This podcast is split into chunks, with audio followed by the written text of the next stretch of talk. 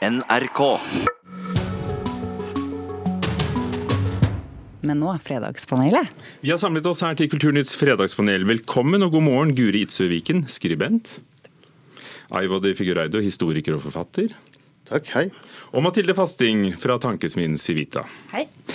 Første spørsmål har å gjøre med den nyheten vi akkurat hørte nå klokken åtte. Skuespillerne Pia Maria Roll, Sara Baban og Hanan Ben Amar fra teaterstykket 'Ways of Seeing' får tildelt Statens kunstnerstipend. Til sammen blir det over to millioner kroner. De får det fordelt over de neste to til fem årene. Det er litt over 220 000 i årlig inntekt, da. skattbar inntekt, som vi hørte i Kulturnytt sak for litt siden. Og her, eh, For å gi et bilde, er Pia Maria Roll fra Debatten i NRK1. Så Dere vil aldri få eh, noe kritisk kunst som er basert på at man skal tjene penger på det. For det vi står for, er det fri kunst handler om, er åpenhet, eksperiment, undersøkelser, avsløring av ideologi. Og dette kommer dagen etter at justisminister Tor Mikkel Wara gikk av i etterkant av alt det denne saken har ført med seg. Kunne nyheten om kunstnerstipend kommet på et bedre tidspunkt, Mathilde Fasting? Nei. Guri Itzeviken. Ja. Aivo de Figureido? Eh, Nei.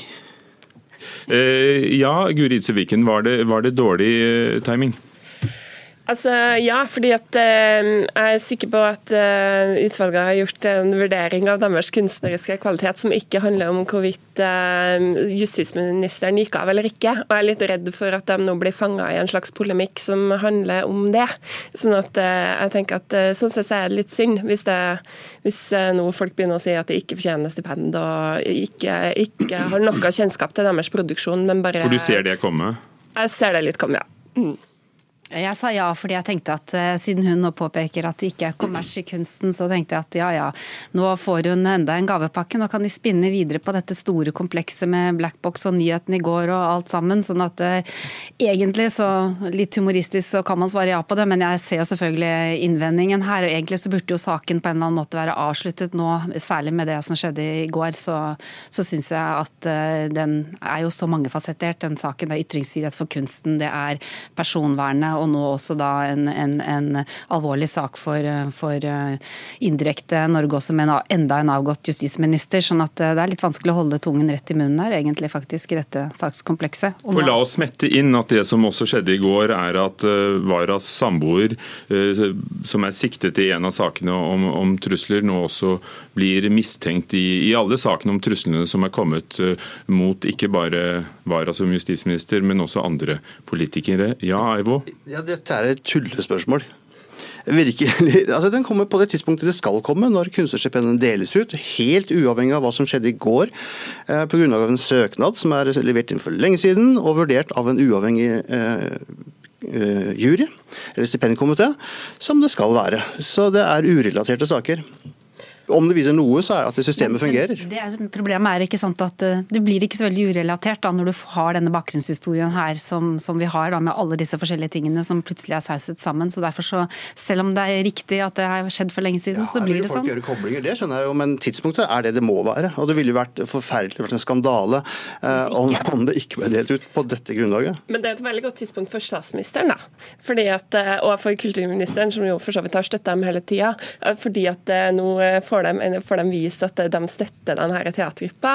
Så slipper vi så mye fokus på at de ikke har sagt unnskyld. Ja, vi får eh, virkelig tenke altså, at Solberg har ligget langt unna denne tildelinga. Så den, det, er, det poenget får hun ikke. Kulturkommentatoren vår nevnte at vi har hatt kunstnerstipender siden 1800-tallet. og Jeg setter meg lit til, lit til deg som historiker, Aivo de Figureido. Eh, Det er vel ikke første gangen at kunstnerstipender eventuelt ville, eh, ville skapt furore? Det er jo riktig. Det har vært politisk fra uh, første stund. Uh, og toppa seg med uh, uh, da Venstre-regjeringa nekta å gi diktergasje til Alexander Kielland i 1885. Det var, det var toppen, sier vi aldri nådd den, den, den toppen siden. Men holdt de på med det med armlengdes avstand-prinsippet den gangen? Nei, det er vel en nyere oppfinnelse, tror jeg. Alexander Kielland mente vel ikke det, og heller ikke Bjørnson eller Amalie Skram, som begge var kritiske til at Kielland ikke fikk det stipendet. Og det var jo det var en veldig interessant debatt, det. Mye mer interessant enn noe, egentlig. Vi får tåle debatt da, om dette her med, med kunstnerstipender og kunstens uttrykk og ytringsfrihet og alt sammen. Det er for så vidt sunt at det kommer opp eh, fra tid til annen. En annen nyhet som har preget denne uken, som har vært rik på nyheter også i kulturlivet, er VG, Verdens Gang, som har gransket seg selv, og hvordan avisen arbeidet med reportasjen rundt publiseringen av den famøse dansevideoen der en Arbeiderpartipolitiker, Trond Giske, vises i noen sekunder idet han danser med en, med en kvinne. og Det bidro kanskje til at han ikke fikk ny tillit i noen verv i Trøndelag Arbeiderparti. VG har konkludert med at de har gjort en slett jobb, særlig med tanke på kvinnen som var kilde i saken, og at hun ikke var profesjonell, og at, de, eh, at hun gjentatte ganger sa at hun ikke sto inne for sitatene. Her er eh, VGs nyhetsredaktør eh, Tora Bakke Håndlykken. Vår vurdering er at VG her har svikta i håndteringa av Sofie som kilde og intervjuobjekt.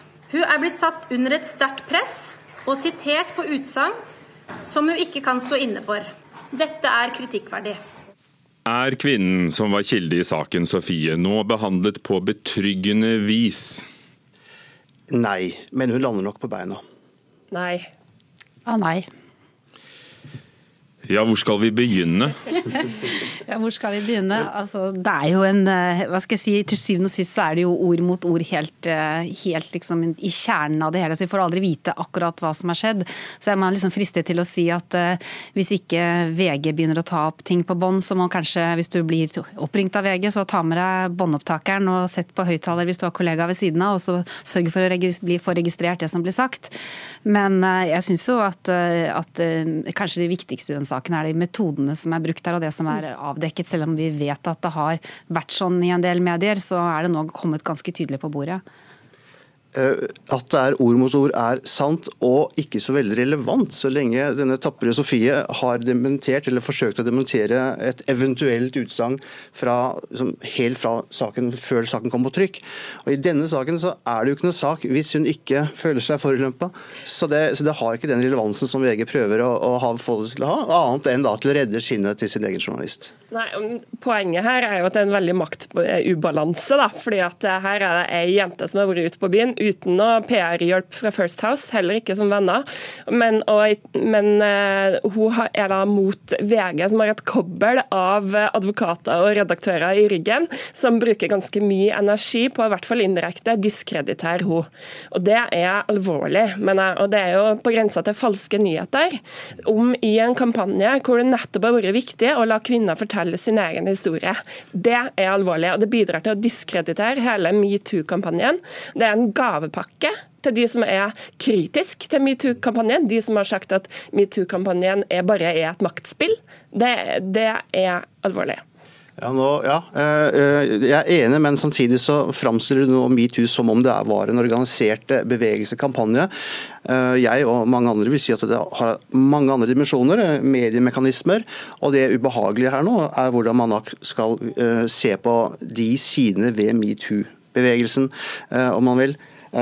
Som noen av oss tenkte fra start. Og hvis man husker da Giske-saken først sprakk, de som ymte om at det kanskje også hadde noe med maktkamp å gjøre, de fikk passet påskrevet. Mm. Eh, og den tanken om å slippe journalister fri i skitneskurvene eh, på en bølge av eufori, eh, og en god sak selvfølgelig, at det skal ende godt. Ja ja, nå ser vi det. Og du kan ikke Du avskriver ansvar ved bare å si at det er en gavepakke.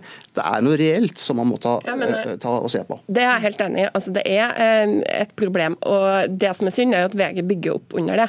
Det er så mange ekte historier å fortelle. De trenger ikke å finne på noe. De trenger heller ikke å presse folk til å prøve å komme med noe. Men når først VG hadde skrevet sin sak, så rullet vel ballen? Er det bare VGs skyld?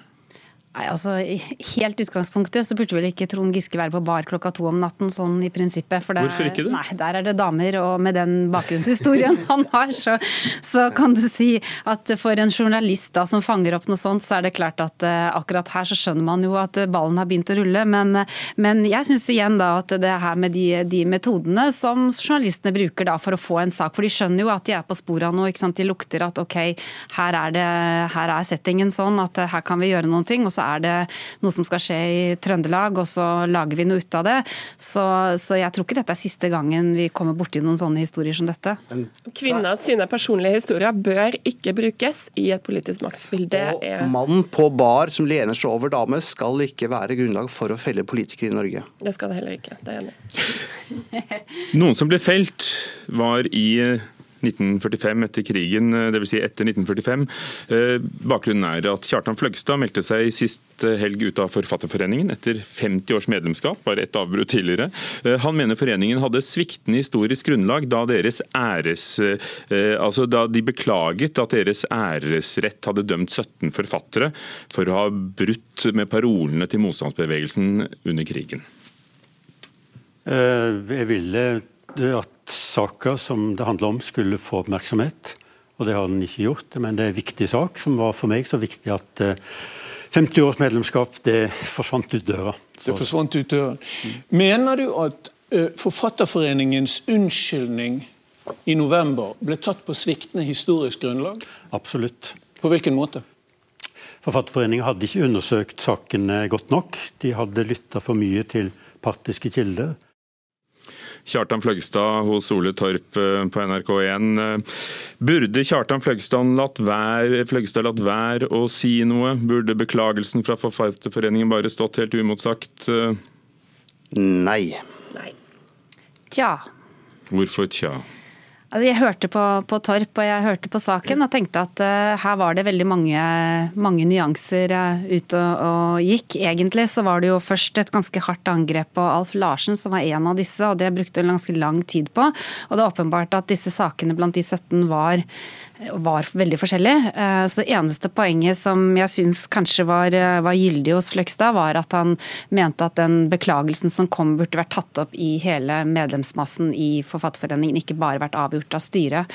Så, så det var, eh, Hvis de hadde hatt en, en, en, ordentlig runde på det før de kom med det, så var det tydelig at det, det kunne kanskje være et poeng. Men jeg syns han var Han tok tak i Alf Larsen. Han har også i avisen tatt tak i Bjerke-komplekset, og der er det også veldig mange nyanser, så jeg syns at eh, det var litt vanskelig å svare direkte at han burde absolutt bare ha reagert på den måten han gjorde ved å melde seg ut sånn demonstrativt og gå fra møtet. For, for, det gjaldt altså 17 forfattere. En av dem var mest kjent, kanskje André Bjerke. Datteren mener at dette preget faren resten av livet. Han var urettmessig dømt. Han deltok hjalp faren sin med en oversettelse på et, et forlag som under krigen ble nazifisert. Ja, og Det er vel veldig Bjerkes rett til å si. og Det er også noe hans, eh, Bjerkes biograf Petter Peter Normann Våge har lagt veldig mye vekt på, men det fortoner seg for mange som eh, noe av et forsvarsskrift. Jeg tror problemet her er det du sier, at man har ikke hatt en grundig behandling. og Man ser frustrasjonen i Forfatterforeninga som følge av det her. Man hadde en grundig behandling i 1945, og det er ganske interessant. Og det er det problemet her, Nå skal jeg prøve ikke å legge sånn, min bekymra historie historikerynke, men jeg, skal, jeg, tror ikke jeg klarer det. Eh, det er et eller annet med at dette er et komplekst historisk materiale. ikke sant? Det er krig, det er overgang mellom krig og fred.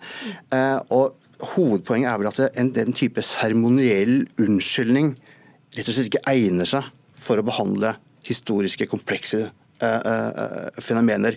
Uh, det er det ene. Og det andre er at man har gjort et slett arbeid. Og det har Fløgstad sammen med professor Tore Rem og forfatter Espen Søby belagt ganske godt. Vi snakker om krigen, og man snakker om hvordan man skal forstå at dette arbeidet som f.eks. Bjerke gjorde for et naziforlag, som altså produserte propagandamateriale, nazifiserte skolebøker, hvordan det på den tida kunne bli oppfatta som et stort svik.